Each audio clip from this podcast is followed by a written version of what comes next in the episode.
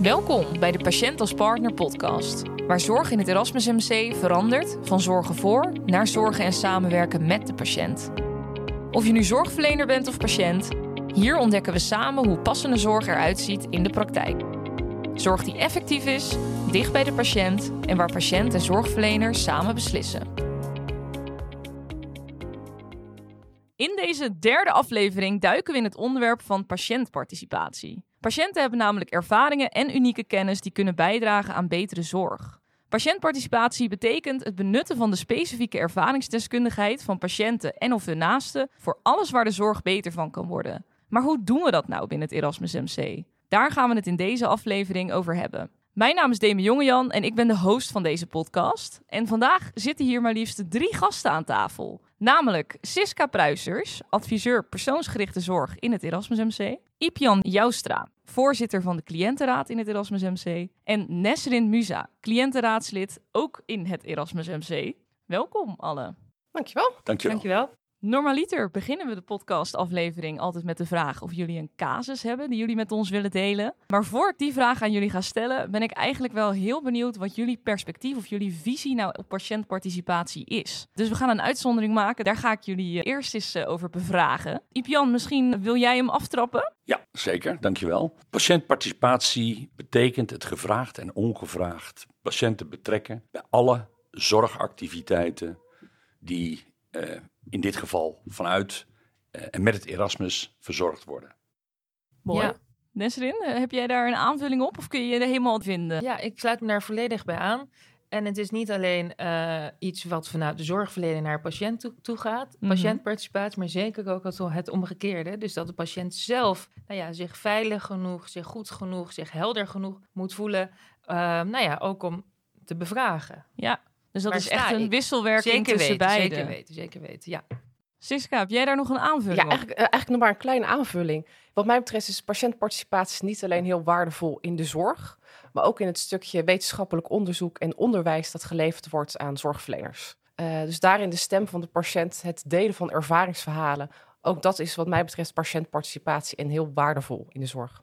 Ja, als ik dat inderdaad dan beluister, dus vanuit de drie pijlers, onderzoek, opleiding en zorg, dat als daar inderdaad de patiënt betrokken wordt bij de vraagstukken die uiteindelijk terugkeren in de zorg, dan zal dat zeker meerwaarde hebben. Ja, en dat zien we gelukkig ook steeds vaker gebeuren. Onder andere dat patiënten ook meedenken in wetenschappelijk onderzoek, welke onderwerpen relevant zijn, prioriteren, meedenken in hoe een onderzoek vormgegeven kan worden.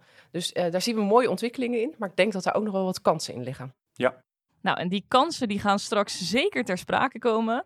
In ieder geval goed om alvast helder te hebben wat jullie onder patiëntparticipatie verstaan.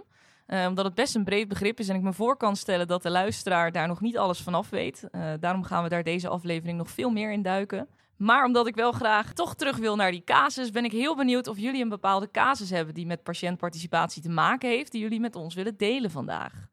Ja, een paar jaar geleden hebben we een, uh, een klacht binnengekregen van een meneer, uh, wiens moeder hier lag opgenomen op een verpleegafdeling.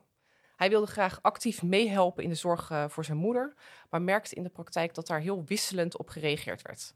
De ene verpleegkundige gaf aan dat dat prima was, maakte met hem afspraken. En een volgende verpleegkundige gaf aan dat het helemaal niet mogelijk was. En dat hij niet mocht meehelpen in de zorg van zijn moeder. Uh, nou, hij heeft toen een klacht ingediend. En we zijn vervolgens met hem, maar ook met een aantal andere familieleden van patiënten in gesprek gegaan. Uh, met de vraag van, ja, wat is nou eigenlijk de behoefte van familie van patiënten om mee te helpen in de zorg? Maar ook, wat is de behoefte vanuit de zorgverleners en wat is de mogelijkheid om uh, familie van patiënten mee te laten helpen in de zorg? Nou, dat hebben we in een gezamenlijke bijeenkomst uh, met elkaar uitgesproken en zo een aantal spelregels gemaakt, uh, wat we uiteindelijk familieparticipatie op een verpleegafdeling hebben genoemd. Nou, dat was inderdaad een vraag van één afdeling. Uh, vervolgens zag je dat niet alleen deze desbetreffende afdeling behoefte had aan spelregels rondom familieparticipatie, maar eigenlijk organisatiebreed. En zijn we bezig met iets vergelijkbaars Erasmus MC breed. Met de vragen die we toen eigenlijk destijds al gesteld hebben aan de uh, familieleden van patiënten. Ja, dit, dit, herken ik. Dit is, dit is heel goed. Goed initiatief, waardevol. En ook een mooi voorbeeld waaruit eigenlijk uit één klacht een oplossing is ontstaan Die dan vervolgens niet alleen op één afdeling, maar eigenlijk ziekenhuisbreed wordt ingezet. Ja. Of in ieder geval waar aandacht aan besteed wordt. Dat dat op alle afdelingen belangrijk is. Ja, en het mooie is dat eigenlijk de meneer die een klacht heeft ingediend... uiteindelijk gewoon de grootste ambassadeur is van familieparticipatie op de afdeling. Wauw. Eh, en heel tevreden is met hoe het is opgepakt. Ja, Mooi. zoals je het hebt over de patiënt als partner, dan is dit een prachtig voorbeeld Ja. daarvan. Mooi. Maar ook het, durven, het kwetsbaar durven opstellen als afdeling. Eh echt respect voor een afdeling. Dat je juist iemand die een klacht eh, heeft ingediend... met hem in gesprek gaat om te kijken hoe kunnen we het anders doen. Mooie casus, denk ik, eh, waar ook weer heel erg uit blijkt hoe belangrijk het dus is om die input van de patiënten op te halen en daar vervolgens dus ook iets mee te doen. Ik hoor nog heel veel andere interessante dingen, maar daar komen we straks ook nog op terug. Ehm, we gaan eerst door naar Ipian, want jij hebt denk ik ook wel een casus die je met ons wilt delen. Ja, die heb ik. Vertel, wat, eh, wat is de casus die jij met ons wilt delen? Eh, de casus die ik heb is een eh, oudere patiënt die in aanmerking is gekomen voor niertransplantatie hier in huis. En als ik, ik heb dat traject van zin nabij kunnen volgen. Dus als ik kijk naar de schakels in de keten, dan heb je het over huisarts. Van huisarts, in dit geval Sint Franciscus, de nefroloog. Waar hij onder behandeling is geweest en nog steeds is. En uiteindelijk, ook gezien eh, zijn conditie, in aanmerking kon komen voor een niertransplantatie. En dan heb je te maken met het transplantatieteam hier in huis, nefrologie. Wat heel goed is gegaan, is dat je ziet dat de informatievoorziening, met name de informatieavond, die ruim van tevoren plaatsvond in het Sint Franciscus, waar ook patiënten bij waren die gedeeld hebben hoe hebben zij dat destijds ervaren. Een jonge en een oudere patiënt, dus ook de identificatie voor vele kandidaten die er waren. En ook de naaste, dat was heel goed. Daar kon je ook heel laagdrempelig het gesprek mee hebben. Ook met de specialisten uit de beide eh, ziekenhuizen. Dus dat was prima. En wat je dan ziet waar kansen liggen, is met name één, wat zijn nou de verschillen in werkwijze? En heel praktisch, ook op afdelingen, tussen bijvoorbeeld een Franciscus en hier. En dat heeft ook te maken op het moment dat je meer in het begin daarover geïnformeerd wordt als patiënt en naaste, dat je ook een, veel makkelijker begrip kunt krijgen. Eh, in dit geval was dit ook een hartpatiënt, dus ook cardiologie betrokken. Dat je ziet dat er dan tussen de afdelingen ook verschillende werkwijzen zijn. Inhoudelijk zeker, eh, maar soms ook in de uitvoering, die dan niet altijd door een patiënt begrepen worden. En dat kun je ondervangen, naar ons idee, als je dat meer in het begin van het proces deelt.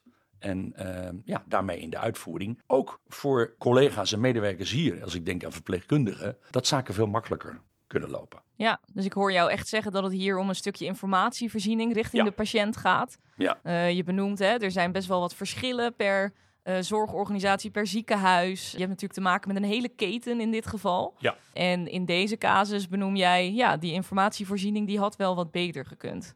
En Ja. daarmee dus ook eigenlijk vragen aan de patiënt wat ze gewaardeerd hebben Ja. eh, in een stukje informatievoorziening in, de- in de verschillende zorginstellingen, zodat we daarvan kunnen leren. Exact. Ja, en dit is natuurlijk eh, hele mooie input vanuit de patiënt, zoals jij dit nu benoemt. Nou ja, jij bent ook voorzitter van de cliëntenraad, dus in dat geval is het mooi dat jij die input ook kunt leveren. Maar niet iedere patiënt zit in de cliëntenraad. Dus hoe komt dit soort informatie nou uiteindelijk dan bij jullie terecht? En Ja. hoe kun je hier dan mee aan de gang? Dat is een hele goede vraag. En dat, daar ligt ook een kans voor ons. Deels krijgen we die informatie uit persoonlijke waarneming en observatie en gesprekken. Anderzijds uit informatie verkregen door patiëntenpanels. Hè, met behulp van vragenlijsten, letterlijk door daar vragen over te stellen. Ehm, maar uiteindelijk merk je dat wij als cliëntenraad ook meer zichtbaar kunnen zijn en ook moeten zijn voor en met patiënten. En daartoe dus ook in de samenwerking met de collega's hier in huis. Het ook heel goed is dat we gezegd hebben: laten we een eerste fysieke bijeenkomst gaan organiseren. Die gaat 7 maart plaatsvinden.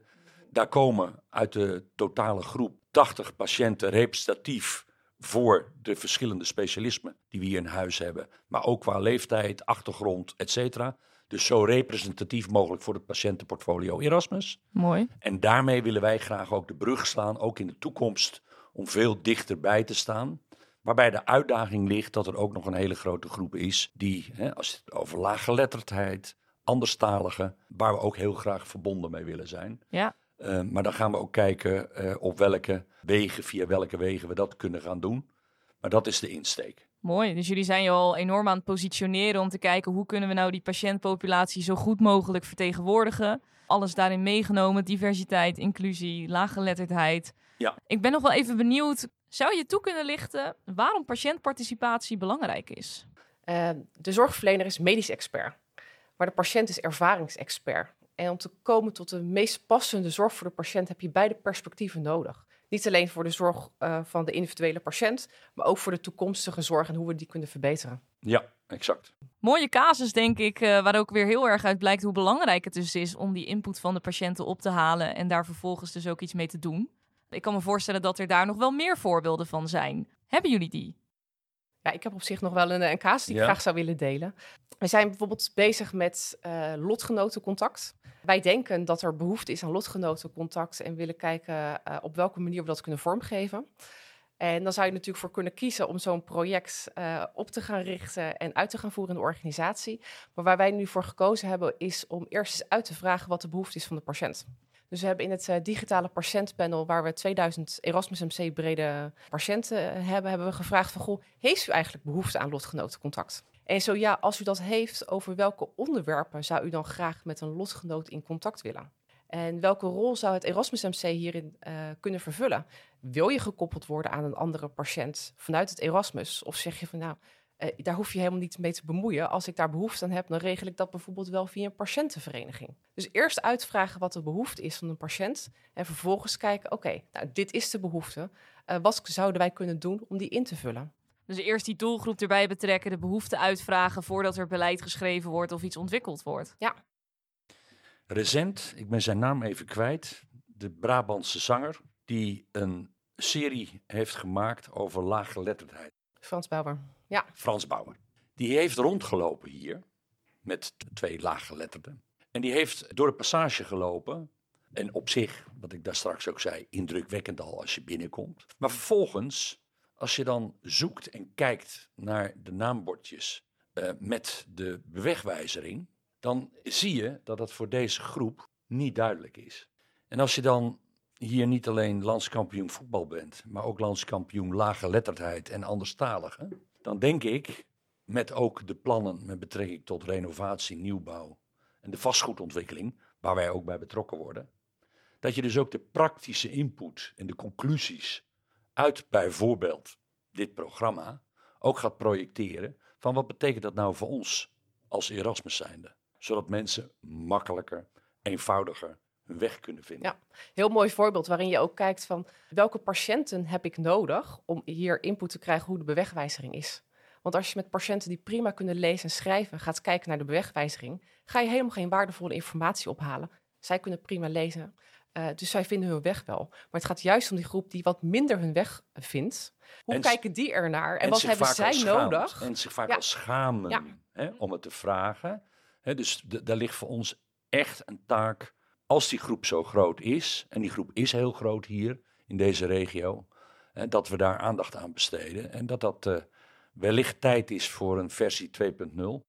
En hoe kunnen we ze benaderen? Juist. Ja. Exact. Ja, Ja. en hoe zorgen jullie er uiteindelijk dan ook voor dat deze patiëntengroep betrokken wordt bij dit project? Want ik hoorde jullie net benoemen, wij worden daar als cliëntenraad dus ook bij betrokken om hierover na te denken. Maar ik hoor jullie ook zeggen, ja, we proberen de cliëntenraad zo divers en inclusief mogelijk te maken. Eh, maar deze groep is soms niet voldoende gerepresenteerd. Hoe zorgen jullie er dan alsnog voor dat je wel de input van deze doelgroep krijgt? Ja, kijk, het blijft natuurlijk altijd een uitdaging om, ehm, nou ja, voor mij is het, is het een persoonlijke uitdaging om in de, binnen de cliëntenraad met mijn stem, om niet mijn particuliere mening en niet alleen mijn ervaringen te delen als dit zijn de ervaringen van alle. Hè?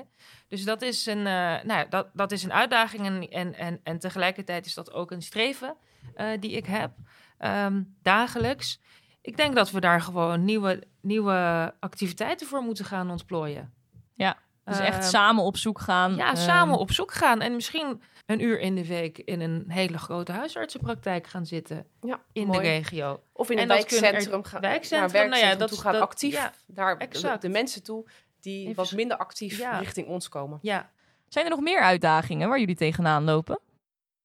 Ja, als ik dan kijk naar de komende jaren, ik zou het heel mooi vinden dat in ieder project, iedere verbetering van zorgproces, verbetering van patiënteninformatie, er ten alle tijden een patiënt vertegenwoordigd is in de werkgroep die daarmee aan de slag is. En dan niet eenmalig gewoon even op te halen wat hij ervan vindt, maar echt als een gelijkwaardig lid in een projectgroep en meedraait in het uh, nou, vernieuwen van zorg, in het vernieuwen van informatie, uh, het ophalen hoe het anders kan. Dus eigenlijk dat het vanzelfsprekend wordt dat er altijd een patiënt aan tafel zit of meerdere die meedenken over een project waar zij bij betrokken zijn. Of in ieder geval dat zij hun input daarin kunnen leveren. Ja, ja. en dus het vaak eerder uitzondering op het moment dat het gebeurt. En ik zou het heel mooi vinden als dat gewoon de standaard wordt, dat patiënten standaard meedenken uh, in zorgvernieuwing. Eigenlijk beantwoord je daar direct mijn vraag mee: wat is dan de stip op de horizon?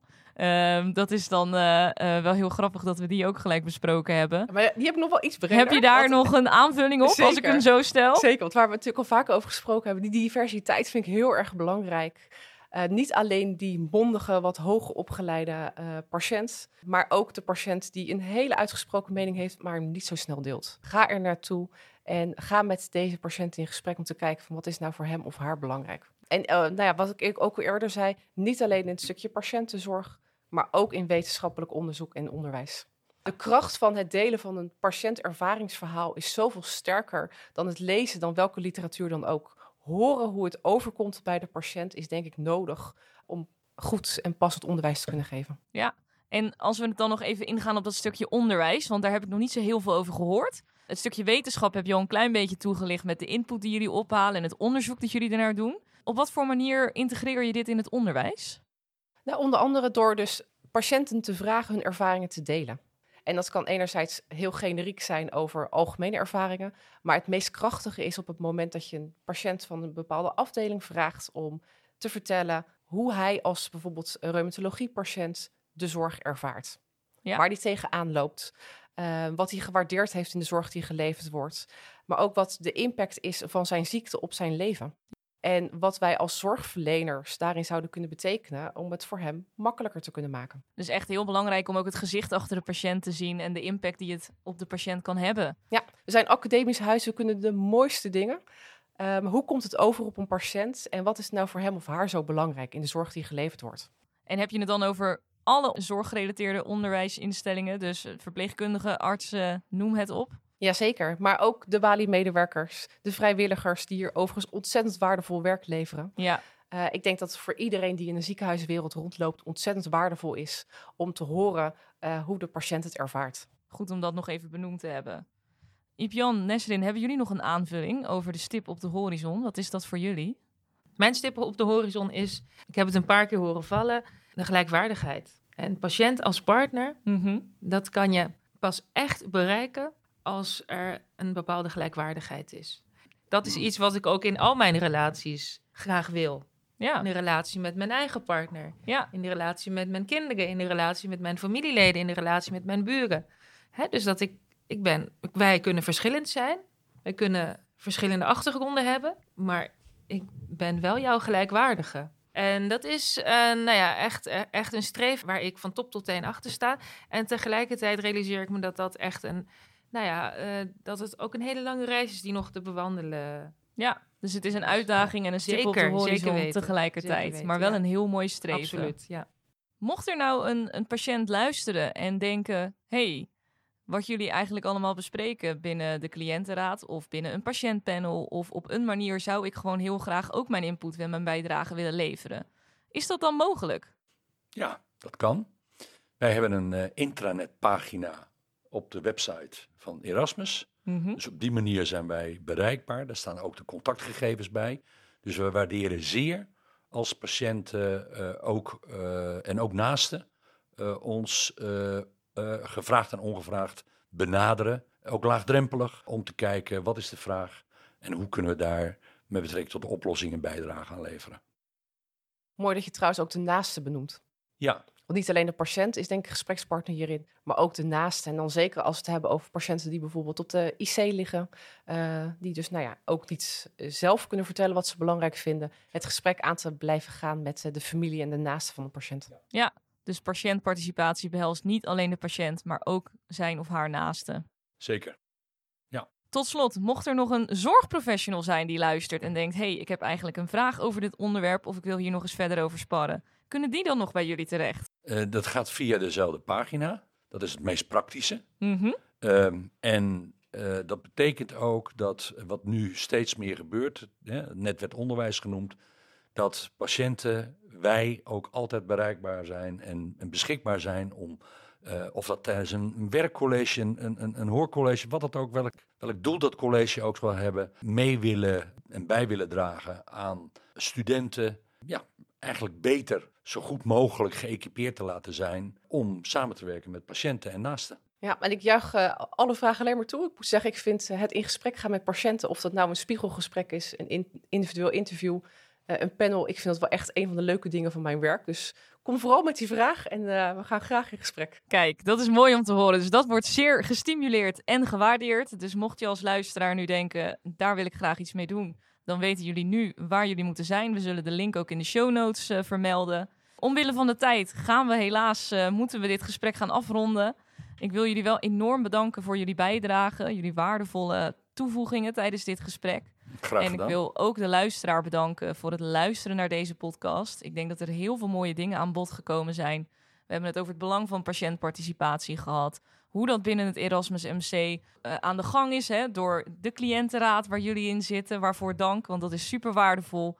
Maar ook eh, patiëntpanels, eh, de interviews, de spiegelgesprekken. Er wordt al heel veel tijd en aandacht besteed om gewoon de stem van de patiënt steeds meer te laten horen en die te betrekken. We hebben het gehad over de stip op de horizon, de gelijkwaardige relatie.